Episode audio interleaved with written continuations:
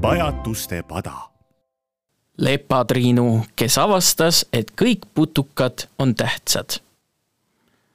allikas unejutumaa.ee, autor Unemati.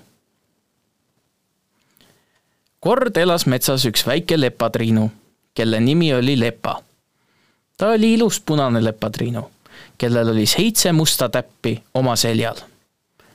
Lepa oli rõõmsameelne ja uudishimulik putukas, kes armastas seiklusi ja avastamisrõõmu. ta armastas lendamist ja oli väga kiire. kuid Lepa ei mõelnud eriti teiste putukate peale, kes elasid metsas. ühel päeval lendas Lepa üle metsa ja nägi maapinnal kõndimas teisi putukaid. ta ei olnud varem nii lähedalt teisi putukaid näinud. seal oli sipelgas, ämblik, ritsikas ja mesilane Lepa peatus ja vaatas imestunult nende peale. ta ei teadnud, miks nad niimoodi kõnnivad ja ronivad mööda maad. Lepa hakkas neid lähemalt jälgima ja märkas, et igaüks neist teeb midagi erilist. sipelgas kandis suurt lehejuppi, ämblik kudus võrku, ritsikas laulis kaunist laulu ja mesilane kogus õietolmu Lepa mõistis, et kõik putukad teevad midagi väga tähtsat.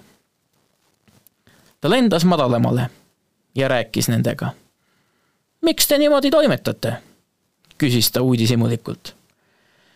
sipelgas vastas. ma teen tööd, et toita oma pere. ämblik ütles. magan võrku, et saada toitu. ritsikas ütles. ma laulan et meelitada ligi kaaslasi. ja mesilane ütles. ma kogun õietolmu, et meie mesilaspere saaks toitu ja mett teha. sel päeval Lepa mõistis, et kõik putukad on tähtsad ja teevad midagi olulist ja asendamatut. ta mõtles, kuidas ta saaks aidata ta arvas, et ta võiks aidata sipelgalt lehe kandmisel või ämblikut võrgu kudumisel. lisaks veel ta mõtles, et ehk võiks aidata mesilasel õietolmu koguda.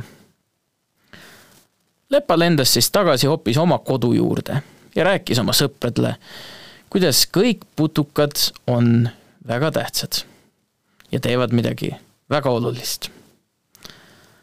ta julgustas neid mõtlema, kuidas nad saaksid aidata teisi putukaid ja olla osa sellest suurest putukaperest.